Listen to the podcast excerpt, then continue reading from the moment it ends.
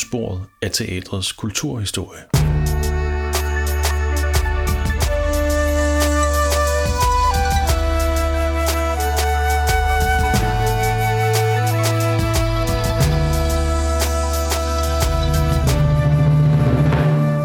Du lytter til Bag Scenen, en podcast fra Teatermuseet i Hofteatret.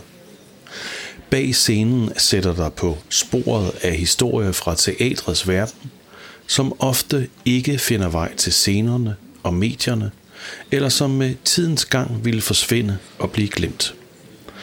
Historier fortalt af mennesker, som har eller har haft deres daglige virke i forskellige hjørner af teatrets verden. I dag kan du møde Erling Larsen.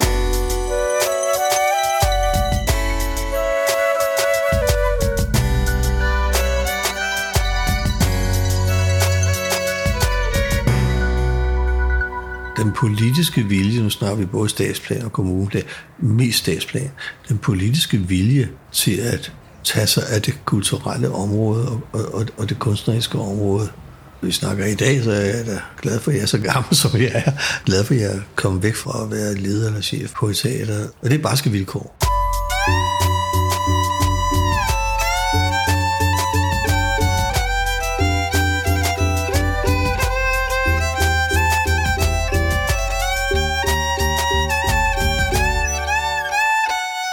Erling blev født under krigen, oplevede 1950'ernes fattigdom og var som ung fransk studerende i 60'erne med til at starte det, der skulle blive et af Danmarks første gruppeteatre, nemlig Caféteatret.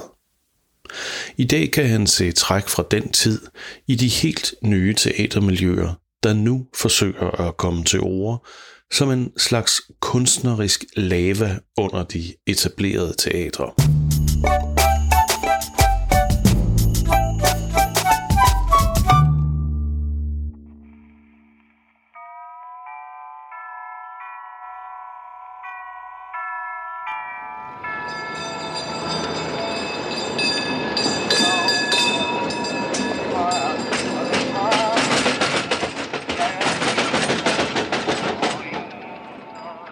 Altså, jeg hører til dem, der kan huske tiden før 60'erne. Jeg kan ikke huske noget af krigen. Jeg blev født under krigen, men meget sent.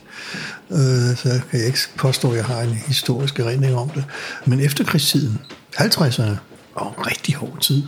Fattigdom. Virkelig fattigdom. Og jeg har oplevet det på egen krop. Kommer ikke ud af en velhavende familie, øh, men en god familie. Og det var simpelthen mange af os, der havde det. Altså, gik i omsydet tøj og stoppede sokker og, og sådan nogle ting. Og der var kartofler om mandagen, og så var der kartofler om tirsdagen, og der var kartofler om onsdagen, og mandagen, der var det, der var det hvid sovs. Om tirsdagen havde min mor så kommet lidt tomat, saft i eller sådan noget, så var det rød sovs, og så var det brun sovs om onsdagen, og så om torsdagen var der måske en lille smule kyllingekød eller et eller andet. Min barndom opvækst den er jo ligegyldig i den her sammenhæng, men det var ligesom forudsætningen for, at 60'erne blev, som de blev. For det gjorde jo også, at det var et samfund, der var stramt styret, rationeringsmærker, og jeg ved ikke hvad man sankede kul, og det er ikke en løg, det gjorde vi altså. Og det skabte jo en generation, som uanset hvor de er kommet fra, altså, selvfølgelig nu, der, havde, der, havde, der var mere privilegeret end andre, men uanset hvor de er kommet fra i samfundet, så er det jo et efterkrigstidssamfund, både økonomisk, fysisk og mentalt, selvom vi jo ikke som land bliver så ramt af krigen, som frygtelig mange andre bliver ramt. Men vi var præget af det alligevel, ikke? Altså, så begyndte det sådan at vende lidt. Starten af 60'erne, første halvdel af 60'erne, vil jeg sige, der begyndte der sådan at opstå nogle ting, og man fik et ikke større udsyn måske, det er måske at prale for meget, men man fik opdaget, at der var en verden udenfor. Og der begyndte i det akademiske miljø at opstå sådan nogle akademiske grupper. Man kan se det for sig, ikke? Man sidder med sit kortklippet over og en, og en pive og et eliteskæg og er skide klog. Men der opstår også nogle andre grupper, ikke? Altså, der opstår for hver faggruppe opstod der, at de der faglige klubber, der var imellem de studerende, der opstod også, der var sådan en underklubbe. Jeg var franskstuderende, jeg startede i 63, og var et typisk eksempel i at sig. Nej, det, jeg ved ikke, hvor typisk jeg var, men jeg var i hvert fald et eksempel. Jeg skulle lære latin, fordi øh, jeg kunne tage en lille latinprøve, fordi jeg var matematisk student, og så begyndte at studere fransk, og skulle tage en stor latinprøve. Det var mit held, for der var så en medstuderende, Eva Højby, hed hun. Øh, så spurgte mig, ved du hvad, der er nogen, der, der, der vil lave noget, øh, øh noget teater. Vi taler her om efterår 63, hvor jeg var startet i august, ikke? og de ville lave juleforestilling, øh, men ikke lave den som den sædvanlige julekomedie og revyagtige, eller noget Molière, eller, eller sådan noget. Øh, øh, de ville lave den selv, nogle studerende. Og jeg ikke ville med også hvad for noget, for de ville godt have nogle statister og nogle medhjælpere og sådan noget. Ikke? Jeg tænkte, det var da en måde at møde nogle folk på. Jeg havde ikke tænkt, at jeg skulle beskæftige mig med teater overhovedet mit liv. Jeg havde ikke, jo, jeg havde forhold teater, for jeg gik i teatret. Det gjorde man jo dengang, hvis man var ude af et pænt borgerhjem, eller et akademisk hjem, eller sådan et eller andet. Så gik man med dansk skolescene i teater tre gange om året. Fantastisk institution. Det er ærgerligt, at man ikke har den mere. Og det var min indgang til teater. Jeg havde, på det tidspunkt havde jeg været i teater en gang med mine forældre i 1961, da de fejrede, da Sølvbrød var holde fest, så lavede to ud af det, de steder, de havde været deres liv og sådan noget, i Danmark. Men teater, altså der opstod så nogen, der godt ville noget med teater. Ingen vidste rigtigt, hvad det var for noget, og jeg vidste heller ikke, altså da jeg kom over til det der franske studerende, en lille gruppe ude på det franske institut på Østerbro, der mødtes vi ude. Og Sejer Andersen, som blev primus motor i alt det her frem til en gang i 80'erne, stillede sig op og sagde, at han har tænkt sig, at han ville instruere en forestilling. Øh, en af, jeg skal det før, absolutisten Alfred Jarry, som var et stykke, der havde lavet skandale allerede ved første opførelsen, Kong by, Og der skulle bruges et folkekor og, og, og statister, som øh, til sidst skulle stikke med By, altså Kongelig Bys kone, mor Yby, stikke ned med gafler, spire med de spisegafler. Hvor vi skulle sidde ned blandt publikum i salen, og så i slutscenen skulle vi møde op på scenen, og så stå hende der i et, som var værre end sin egen mand og sådan noget. Det var min indgang til teater.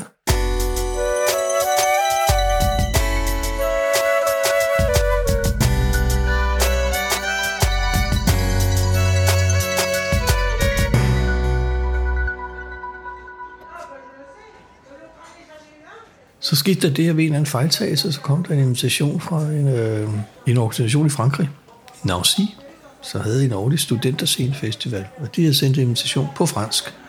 Hvis nok stilet, ikke stilet til, men de forventede om, at den, den kom til øh, den danske studenterscene. Men den røg til os, til de franske så forening, og så snuppede vi den og sagde ja tak til invitationen, og så tog vi derned. Eller, altså, så, blev, så blev jeg kontaktet også, og jeg var en af dem, der ville være med, men så stort set det samme hold tog så til Nancy i Nordfrankrig og spillede stykket. Ikke med stort held og skandale og, og alt muligt andet, men det hører jo også stykket til. Ikke? Altså, øh, I stedet for at kaste guldpenge ud, som man gør en af senere, så kastede Kongeby guldkarameller ud og ramte desværre jo en formand i panden med, med en guldkaramel, så vi fik ikke nogen præmie denne gang. Men det blev som min ene indgang til teater, og det var da meget sjovt, og, og det kunne da godt være. så, så, så, så, nej, så tænkte jeg, altså, nej, pas din studie, og, og pas det arbejde, du, du har ved siden af, for jeg skulle også tjene penge til min studie. Jeg blev så kontaktet et års tid efter, eller ja, tre kvart år efter, af Sejr Andersen og hans kone for øvrigt, om jeg havde lyst til at komme hjem til et møde til dem, hvor de samlede nogle mennesker, fordi Sejl havde idé til et nyt stykke. Der var kommet en invitation på baggrund af vores optræden i Nancy i Frankrig, hvor der kom en invitation til en international ungdomsteaterfestival i Istanbul. Og det lød jo ret spændende, så jeg sagde, at jeg kommer til møde. Der opstod jo der i første halvdel af 60'erne, måske også nogle af dem lidt tidligere, som jeg husker det i første halvdel af 60'erne, opstod jo de der fag baserede teatergrupper, som udløber af nogle faglige klubber. De engelske studerende, de havde en klub, der sad de nok med, med, med med piver, Sherlock Holmes sat på. Ja, det gjorde de ikke. De havde deres miljø, og ud af det, der opstod så også en lille gruppe, som, som vi lavede. Og så lavede det Secret Service, kan jeg huske. Og der var ikke andre, der så dem. Ligesom med os, altså det publikum, vi havde, det var de andre studerende, og så måske vores forældre og, og søskende og venner, og en, og en enkelt aftante, hvis man var heldig og sådan noget. Ikke? Det var i universitetsmiljøet øh, det i første halvdel af, 60'erne, og så begyndte det at brede sig ud, ikke? det danske gruppeteater, hvad jeg lige vil sige, ikke? Altså, som, som det jo blev til. Hos os var der jo mange flere indblandet end hos nogle af de andre, tror jeg. Fordi der var så mange, som godt ville være med i det, det der, vi lavede, altså ja. det der studerende, og så burde vi spille rundt omkring, altså turneret i, i, i Danmark, men fik fodfæste i en sæson i, øh, i Sorgenfri ved Lønby, og så en sæson i Lønby, og så øh, på Komediehuset, der lå midt i København. Men det, vi havde en så stor gruppe at tage af, så havde folk jo tid, så kunne nogen være med i det ene stykke, og så kunne nogen et halvt år efter være med i det andet. Så vi lavede en del faktisk, ikke? Og der var jeg ligesom blevet indrulleret i, i kernen i, i det der, ikke som skuespiller, men som en praktisk gris, ikke? Ikke, ikke altså, fordi jeg kunne skaffe ting, og jeg øh, havde en lommeregner, så jeg kunne også noget metal. Ikke, ikke altså, jeg havde også en skrivemaskine, så jeg kunne også skrive pressemeddelelser ja. og sådan noget. Ikke? Sådan udviklede de, de, de andre sig jo også. Nogle døde ud, og vi kunne også godt være døde, for til sidst så var vi blevet til en kernegruppe, ikke altså, og så kunne det godt at kigge på hinanden og sagt, øh, nå, skal vi gå tilbage og passe vores studier. Sidst var jeg nede på fire, eller fem måske, ikke altså, men i hvert fald fire, som stiftede det, der blev til Café Jeg stiftede den selv en institution, ikke?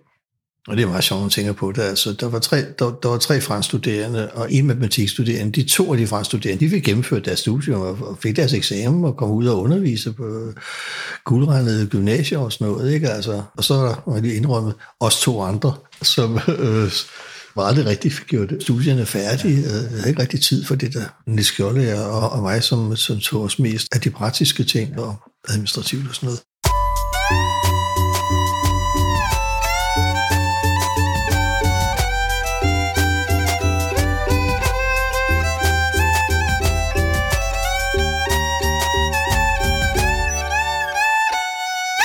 Kan ikke huske, hvordan ideen opstod, altså, men jeg, jeg, jeg kan se af bestyrelsesprotokollen fra det stiftende møde, det var den 1. januar 1971 kl. 20. Og vi har sikkert haft nogle frygtelige tømmermænd og sådan noget, eller, men vi har skrevet et referat og skrevet det under alle fire, og så fik vi ellers lavet nogle vedtægter og, og blev oprettet og sådan noget.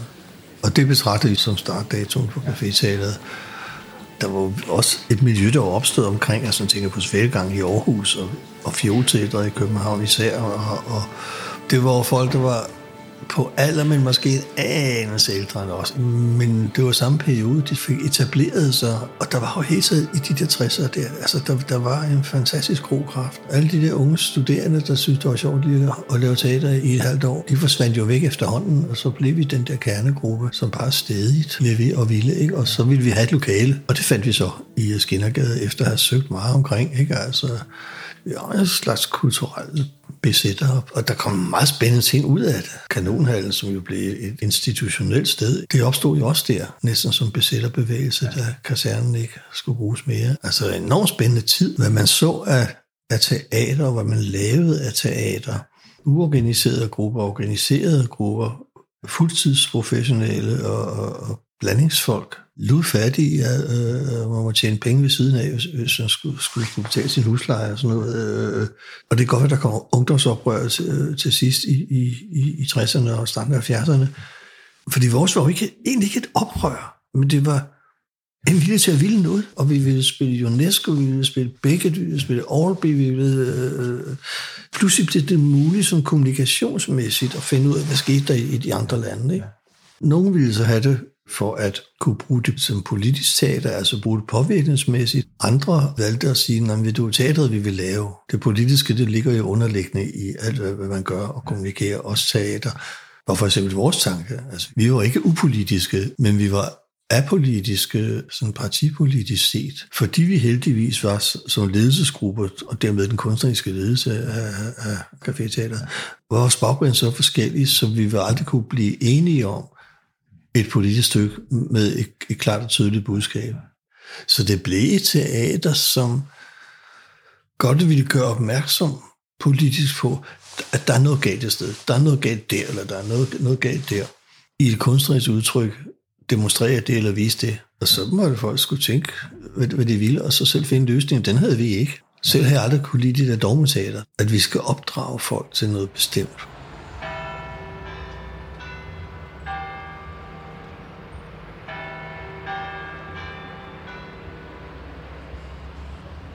Ja, vi var lige ved at få en, en snært af det med en gadeforstilling, vi ville lave, og faren ved asbestforurening fra bilers bremser. Det var det nærmeste, vi kom og forestillingen bliver aldrig sådan noget. Man behøver bare ikke at sige til folk, hvordan de skal tænke. Det er en Tommy er et oplagt eksempel på, at det skulle være et skide godt teater. Det må det altid være. Men det vi kuraterede, det var jo, hvad er det budskab? Og jeg tror også, hvis teksten ikke havde haft den kvalitet, som den havde, så havde vi fået den til at få det at jo, det skal fandme være godt teater, for vi er da op på vores brædder. Men hvis ikke vi bevidst har valgt at sige, det her, det er bare sjov ballade, som vi meget gjorde i øh, Kraftcaféen, som vi fik der i 90'erne, så skal der være indhold i det. Det måtte være tomt. Det måtte være tom underholdning. Det var, det var ikke et tabuemne, men det var, det var, der var slet ikke fokus på det. Det der veteranproblem, ikke? Ej, tør vi nu det? Ja, gud tør vi. Altså, hvis vi er bange for, at vi får en politisk øh, reaktion, som, som er negativ, der er ingen, der lukker os på det, altså. Så lad os tage diskussionen. Formålet er jo skide godt teater, men det gør jo sandelig heller ikke noget, at vi skal have vækket nogle, nogle, nogle mennesker, eller, eller at vi skal have gjort opmærksom på problemet. Det er det, vi har sagt næsten fra starten. Som en slags vagthude, der skal galpe op, hvis der er et eller andet galt, eller på vej til at gå galt. Ikke? Det er jo vores opgave. Men altså, hvis vi tager et andet, øh, sådan noget som, som flygtningeproblematik. Vi lavede Brix flygtningesamtaler, var det start 80'erne, inden vi havde et flygtningeproblem herhjemme.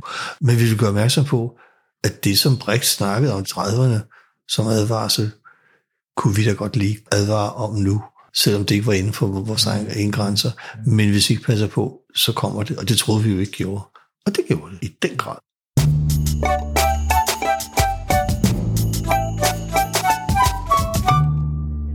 Lige i starten, der gjorde vi det samme, som vi gjorde, inden, inden vi lavede Café-teater. Der, der spillede vi stykkerne på dans, men vi havde også for et enkelt stykke eller to om året, hvor vi tog det i originaludgaven og satte for andre skuespillere på, selvfølgelig er nogen, der kunne fransk, ikke altså. Og så spillede vi om søndag eller om lørdag eller, altså, eller onsdag eftermiddag for gymnasierne og sådan noget, ikke? Det æbbede så ud af øh, efterhånden på et eller andet tidspunkt i slut 70'erne måske.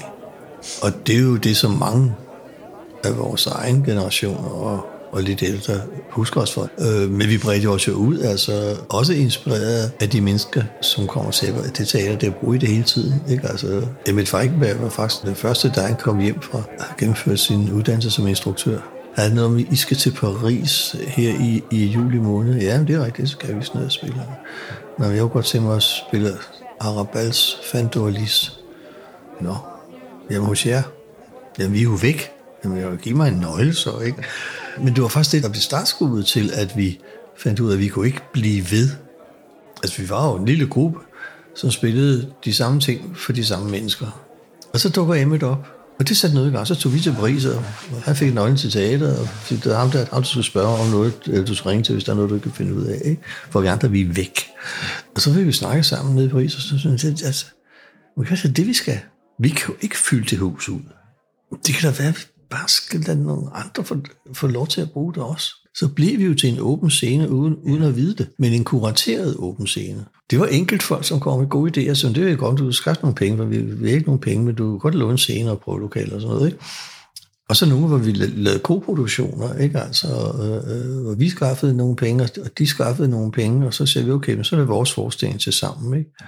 Det blev jo så i Café til deres navn sammen, fordi det var det hus, det foregik i. Og det er jo lidt synd for nogle af dem, som må sige, at, at der var også noget mere gæstespidspræget, ikke? Altså, øh, øh, øh, hvor vi ydede mindre, end vi ellers gjorde, fordi de, de kunne selv. Men det var også, ikke sige, det var os, der fik æren, men det var også, som publikum lagde mærke til. Altså, det, det var stedet, publikum lagde mærke til, og det har jeg brugt meget tid igennem mange år til rigtig mange grupper, altså at snakke markedsføring og sådan noget, ikke? Altså, og, og forklare, det kan ikke noget, noget undlader at det kan vise, at det foregår, så ved folk ikke, ikke, ikke hvor det foregår henne. Og, og det kan godt, specielt når det kommer snart om 80'erne og 90'erne, det kan godt være en fordel for jer, at I ligesom understreger det på café for nu er vi ved at have et publikum, som ved, vi ved ikke, hvad det er, vi kommer ind og ser, men vi ved, det er godt. Så det blev, det, det blev, men det blev en, vi blev en åben scene, en åben kurateret scene, til fordel for mange, også publikum. Vores repertoire blev lidt mere varieret, der har været en stigende gennemstrømning af alle mulige, ikke? Altså,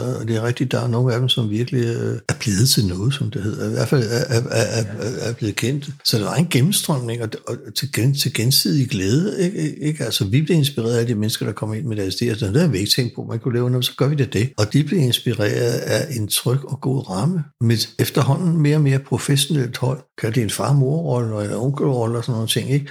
Også den fysiske ramme, der var et rum, Øh, øh, også, også trygheden i, at der var nogen, som havde bedre forstand på det, end de selv havde. Og på den anden side, så blandede vi os ikke i deres kunst. Jo, hvis vi blev bedt om at komme ned og overveje en prøve og komme med nogle kommentarer, så gjorde vi det. Men så vi har sagt, ja, det der stykke der, med de mennesker, skide god idé, lav det. I har det der rum i så og så lang tid. Øh, det gav jo folk en tryghed. at der var nogen, der ligesom kunne sige, det skal I ikke tænke på, det klarer vi. Det var det, vi, vi, vi, vi blev til for rigtig mange, ikke? og det er så en kontrakt med Københavns Kommune som lille storbyteater, ikke? Det var et kæmpe fremskridt og et kæmpe hop, at der kom den stabilitet ind i det, der hed vækstlaget. Nu er der så et nyt lag under, ikke? Altså, altså det, vi kalder det frie felt, oplever samme tur op, som vi andre oplevede i, i 60'erne og 70'erne og, og, og, og op i 80'erne. Ikke? Jeg har ikke løsningen, men der mangler et eller andet, som enten bliver en omfartsvej i forhold til, øh, til, til storbyteaterne og, og ejsteaterne, så vi kan gå udenom det, og så får vi et blomstrende felt af grupper uden teater, som jo egentlig er det frie felt, ikke? Altså, og så siger at små storbyteater, og sådan er det også øh, i, i dag i praksis jo, altså ikke storbyteaterne, og det er jo dem, der har et sted at være. I hvert fald store, de små storbyteater er, er alle sammen nogen, der er mursten også, ikke? Men der er for mange til, til, til at Statens Kunstfond har penge til. Altså det er jo senere en femtedel eller en sjettedel af dem, der søger projektstøtte hos Statens Kunstfond, som får det. Og så kan de andre kan sige, der bliver, der bliver projekter enten, enten ikke til noget, det er lidt ærgerligt, eller også gør de det alligevel for 25 og en krop her, ligesom vi andre gjorde i 60'erne.